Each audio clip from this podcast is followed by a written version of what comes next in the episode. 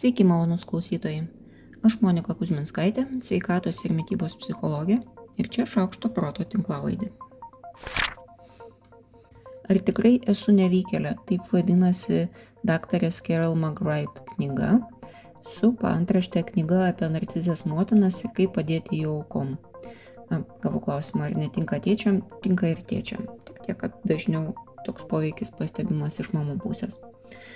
Knygos originalus pavadinimas Will I Ever Be Good Enough, kuriame man regis kiek tiksliau sukoncentruota narcisistiškų mamų paliekama žaizda savo vaikams.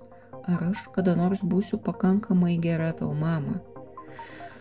Narcisistiškos mamos pačios dažniausiai to nepastebėdamos arba negebėdamos elgtis kitaip dėl smaugiančio nesaugumo jausmo, dažnai kelia savo vaikams nerealistiškai aukštus lūkesčius. Jiems atrodo, kad jų vaikai nebus tobulai geri tai mes ant jų kalties ar gėdos šešėlį, o to sau leisti visiškai neįmanoma.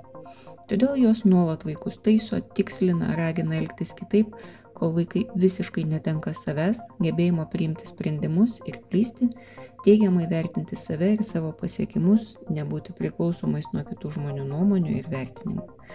Žinoma, mamos galvoja, jog tai yra auklėjimas, mokymas, pagalba ir kad visa tai iš geros valios. Tol kol neatsiranda sąlygos ir priežastis pažvelgti į save iš šono ir įvertinti savo veiksmų pasiekmes.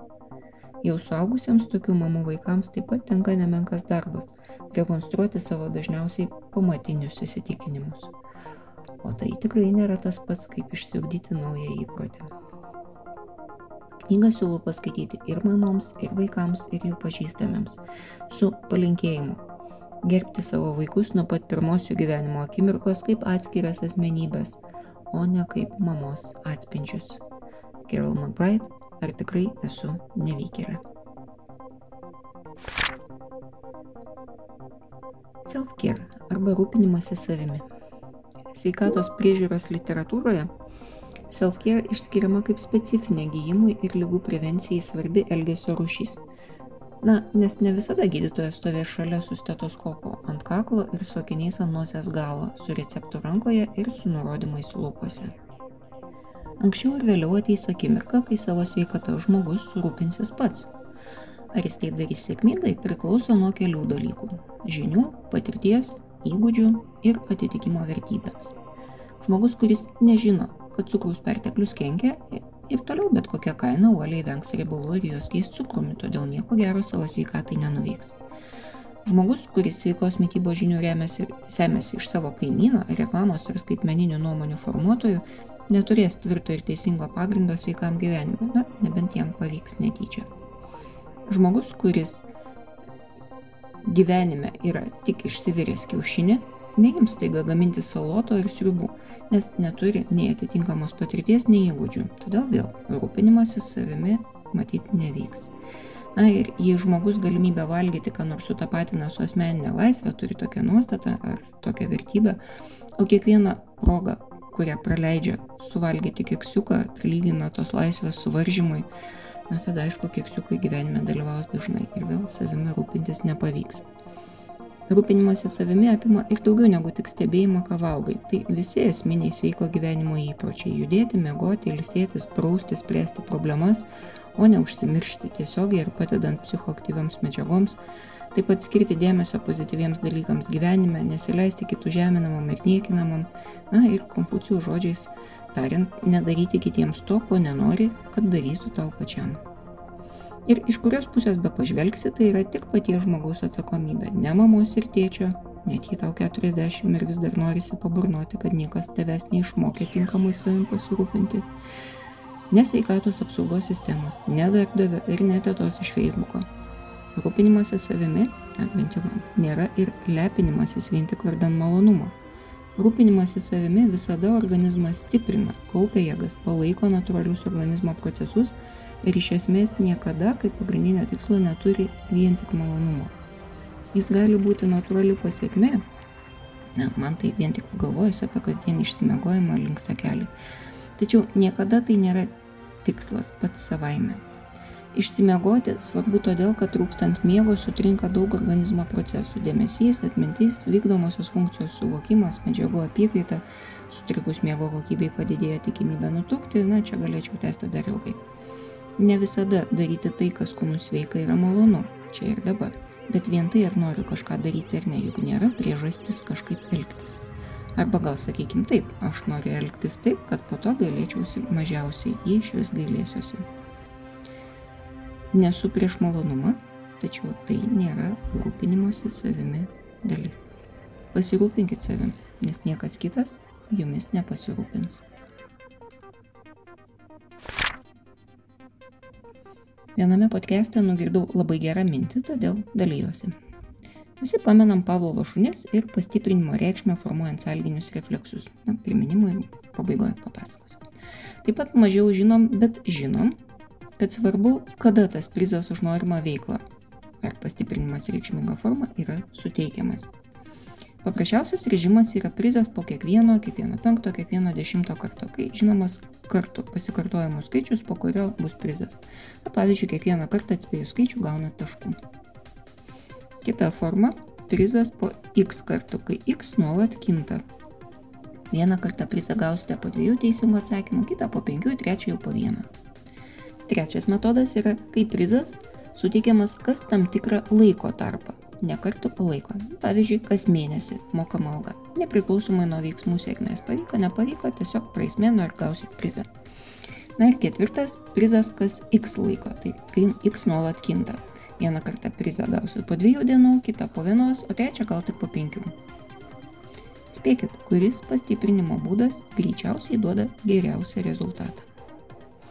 Ne, tai nėra labai akivaizdu, bet būtent paskutinis, kai apdovanojimas yra lygiai ir atsitiktinis nesusietas nei su veiksmų skaičiumi, nei su jų sėkme, nei su skirtų laiku. Bet būtent toks pastiprinimas labiausiai traukia žmonės, ne, ir šunis, ilgiausiam laikui. Būtent tokią schemą naudoja dauguma lošimų. Nuspėjamai pasikartojantis prizai per laiką, ne, tarkim, nusidėvi kabutės, aišku, netenka savo motivacinio svorio, todėl vis tenka ieškoti naujų, Arba neapdovanojama veikla tiesiog nutrūksta, elgesys nuslopsta. Na, patarimas iš podcast'o yra toks. Jei norite, kad jūsų prizas, kurio motivuojate save už, tarkim, sveiką ir pilnavertę mytybą jums veiktų ilgiausiai ir duotų geriausių rezultatų, o taip pat nereikėtų ieškoti kito, tai kas kart sėkmingai įvykdė savo kasdienę užduotį, tarkim, suvalgę sveiką maistą, tokį, už kurį save galit pagirti, meskite monetą ir savo prizą duokite tik tada, kai iškrenta, pavyzdžiui, herbas. Čia svarbu yra ne tiek moneta ir ne herbas, kiek tai, kad jūs sprendimą, ar dabar prizas bus ar nebus, atiduotumėt kažkokiam išoriniam atsitiktiniam sprendimui. Jei iškrito skaičius, imkite kito suplanuoto darbo. Žinau, kad tai skamba kaip savęs baudimas ir apdovanojimo atėmimas, bet teorija sako, kad tada apdovanojimas, kai jis iškris, bus gerokai svaresnis. Arba bandom. Na ir pabaigai apie tą Pavlovą. Ivanas Pavlovas, garsus rusų mokslininkas, pastebėjo, kad šunius, kuriuos jo asistentas maitino mėsa, pradėdavo seilėtis dar iki asistentų įeinant į laboratoriją, tik išgirdus jo žingsnius. Čia kalba apie XIX amžiaus pabaigą, jeigu jau reikėtų laiko matmens. Pavlovas iškėlė hipotezę, kad šunis taip reaguoja ne į mėsą, nes jos dar nėra, tai nėra tiesiogin, atsakas į tiesioginį stimulą, bet šunis taip reaguoja į žingsnius, nes jie išmoko mintinai, kad žingsniai reiškia mėsą. Žingsniai ėmė reikšti, kad mėsa tuoj bus. Ir jeigu asistentas šunims mėsos nebetneždavo, ši reakcija nuslopdavo. Nes šunis išmokdavo kitos sekos, žingsniai nebereiškia būsimo maisto. Tai tokiamis pat prognozėmis apie tai, kas toj bus, pasižymime ir mes visi su savo individualiomis veiksmams priskiriamomis reikšmėmis. Tokių pavyzdžių ir savo gyvenime galim rasti tikrai ne vieną. Vienas iš klausimų už milijoną yra, kodėl mes imamės tokių sveikatai žalingų veiksmų, kaip kraštutinis savo valgymo kontroliavimas, atvedantis iki valgymo sutrikimų. Jis labai klampus, nes praktiškai niekada, kai ištinka giluminės tokių reiškinių priežastis, mes jų negalime stebėti, matuoti ar kitaip moksliškai tirti. O kai po to mes apie tai papasakojame tyrėjams, visada suviniojame į jau savo interpretacijų ir kiek netikslių prisiminimų sluoksnį. Manoma, kad mes, negalėdami kontroliuoti kažkokių mums svarbių gyvenimo aspektų, įmamės kontroliuoti tai, ką galime, vis tiek ką nors kontroliuoti norisi. Ir tam dažnai naudojame obsesinės elgesio formas. Atrodo, kad jeigu dar pasistengsiu truputį, tai tada jau viskas pasitaisys. Ir tokio įsitikinimo laikomės labai tvirtai, nes alternatyva yra pripažinti, kad kažko kontroliuoti vis tik negalime. Kartais suvokimas, ką galime kontroliuoti nuo gana didelės aplinkos dalies, susitraukia maksimaliai, tik iki savo kūno. O pastiprinus visą šią situaciją dar kitų įsitikinimų, jeigu atrodysiu kažkaip kažkaip čia įrašykit savo tikslą, tada man viskas seksis, na jau tada įmamės tikros misijos. Ir stengiamės tol, kol jau labai rimtas sveikatos sutrikimas nesustabdo nuseklaus savo kūno alinimo. Tai kas mus atveda iki suvokimo, kad aplinkos nekontroliuojam. Šiaip daugybė dalykų dažnai paremtų ir netikslių įsitikinimų, kad kontroliuoti galime. Arba kad net kad turime Pavyzdžiui, galime sutaikyti besipykstančius tėvus, nors mums dar tik ketveri. E, tyrime, kurį skaičiau tądien, buvo nustatyta, kad šeimose, kurios laiko save sutariančiomis arba cohesive angliškai, stebima daugiau intuityvaus valgymo, vadinasi sveikų priešingų valgymo sutrikimams praktikų. Skamba labai logiškai, nes artimiausia aplinka ir yra tai, kur gali kilti daugiausiai emocinių iššūkių keliančių situacijų, kurių kontroliuoti regimai nepavyksta. Š, paklausykit. Ne, iš tiesų. Kažkada gyvenimas atsiuntė man puikią pamoką. Tasik sirgau stomatitų ir gerą mėnesį negalėjau kalbėti. Labai jau daug tai kėlė skausmo, todėl nekalbėjau. Jeigu labai reikėjo, rašiau ant lapelio. Na, tai buvo senokai, iki išmaniųjų telefonų. Bet daugiausiai klausiau. Skausmo tai garantuotai nekartočiau, bet gebėjimas išklausyti iki galo, o taip pat suspausti atsakymą į kuo mažiau žodžių, nes niekas neturi kantrybės laukti, kol parašysiu visą pastraipą, kažkaip užsiliko. Ir man tai visai patinka. Nelinkiu susirikti, nesiūlau užsiklijuoti burną, bet koks nors priminimas, kad ruošiatės daryti būtent tai, visai padėtų, tarkim, koks lietai tirpsantis saldainis. Pasirinkit situaciją, kai jūs neprivalot kalbėti pagal kokią nors struktūrą. Ne, ten neskaitysit paskaitos, nepristatinėsit projekto rezultatų, tegul tai būna pokalbis per pietus, vakarienė su šeima ar koks nors panašiai mažesnės svarbos pokalbis. Pabandykit susikaupti tik į pašnekovo klausimą. Pasistengkit negalvoti, ką atsakysit ir neatsakinėkit mintise. Atsakymas tikrai ateis pats, jis ateis per milisekundės ir jums nereikia jo virinti iš anksto mintise. Jei pastebit, kad nuklydot nuo klausimo, labai švelniai grįžkite atgal. Švelniai reiškia be priekaištų savo, tiesiog grįžkite ir viskas. Gali nutikti, kad pajusit didelį nekantrumą. Gali būti, kad pradėsite galvoti, jog jeigu čia pat dabar nepaprieštarausit, ar nepertrauksit, ar nepataisysit, ar nepapildysit, jūsų gyvenimo žlugs. Kas yra ir puikus katastrofinės minties pavyzdys, o taip pat ir puikus mąstymo klaidos pavyzdys. Taip pat gali būti, kad jums kils visa plokštė naujų jausmų ir suvokimų tik dėl to, kad ne tik iš tiesų išklausėt pašnekovą, bet ir jį ar ją išgirdot. Paklausykit. Tai yra mano siūlomas eksperimentas šiai savaitėjai. Eksperimentas yra viena iš dažnai naudojamų technikų kognityvinė elgesio terapijai. Eksperimentas yra skirtas patikrinti įsitikinimo teisingumui.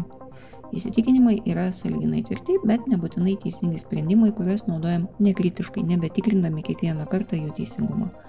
Klaidingi įsitikinimai gali metų metais mus vesti neteisingų kelių, taip ir nesuprantant, kas su manim, ar su kitais, ar su pasauliu yra negerai. Eksperimentas leidžia atpažinti klaidas įsitikinime ir stovint akistatoje su nuoja informacija, jį pataisyti ir perkonstruoti iš naujo. Jeigu eksperimentuojat, pasidalinkit prašau savo patyrimais, bus labai įdomu ir visiems naudinga. Šiai savaitai tiek.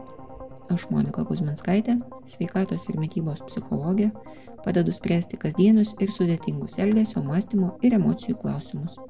Rašau, skaitau paskaitas, teikiu psichologinės konsultacijas. Mane rasit socialiniuose tinkluose vardu Šaukštas Proto arba gyvai Vilniuje Goštauto gatvėje. Rašykit man asmenę žinutę socialiniuose tinkluose arba elektroniniu paštu adresu šaukštas.proto atgmail.com. Taikos ir ramybės.